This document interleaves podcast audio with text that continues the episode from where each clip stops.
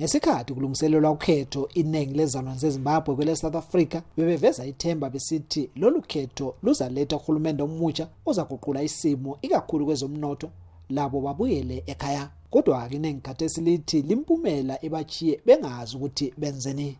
Umnumzana bonganda halimani umgcinihlalo webandla lezaphu kwele south africa uthi kusiya ekhethweni ubezimisele ukubuyela ekhaya ngoba ecabanga ukuthi amabandla aphikisayo azanqoba kodwa-ke uthi ukuchitheka kwaleli phupho sekuphazamise icebo lakhe lokubuyela ekhaya. Ngisazoqhubeka ngilapha eSouth Africa ngibhekile ukuthi kuyini kahle kahle okwenzakalayo eh njengalokhu abantu sebekhethile inkokheli zabo. Sibona ukuthi lezi nkokheli ezikhethwe ngabantu zizokhona yini eh, ukuphakamisa zivuselele eh, i-economy yelizwe zicreate lamathuba emisebenzi? Ngoba sikwazi ukubuyela ekhaya siyohlala imisebenzi ingekho. Abanye bathi njengoba vele lempilo isinzima kwele South Africa sebedidekile ukuthi bazaqonda phi.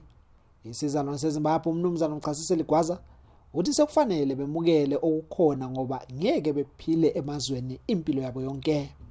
Asikabi kahle kahle nengqondo e-right ukuthi sizokwenzani ngoba asikakaboni ukuthi kwenzakalani. Khona abanye abantu basafuna ukuthi bahambise abanye enkantolo ukuthi akukhona abangawinanga so asikabi kwazi kahle. Kodwa-ke esesikulindele ukuthi ma besolva le nto sesikwazi uba nowinileyo hayi mina ngokubona kwami ngomunye wabantu abafisa ukuthi hayi ngihambe nje ngiyoqala a new life in zimbabwe leyinto esekelwa ngabanye abathi loba bengalisekeli ibandla leZANU-PF indlela umongameli Mnangagwa abesenza ngayo ukhetho lungakafiki itshengisa ukuthi ulaso isifiso sokuguqula isimo eZimbabwe.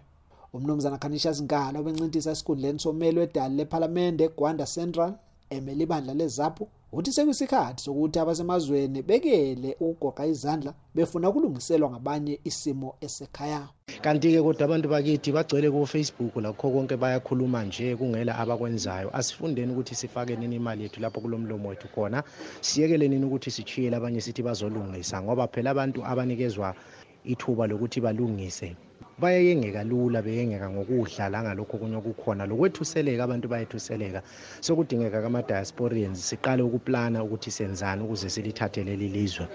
Abanye-ke bathi kuzacaca ngemva kwempikiswano yempumela yokhetho ukuthi bayahlala kuleli kumbe bayabuyela ekhaya. Ngimele studio 7 johannesburg kwele south africa. Ngingubenedict nhlapho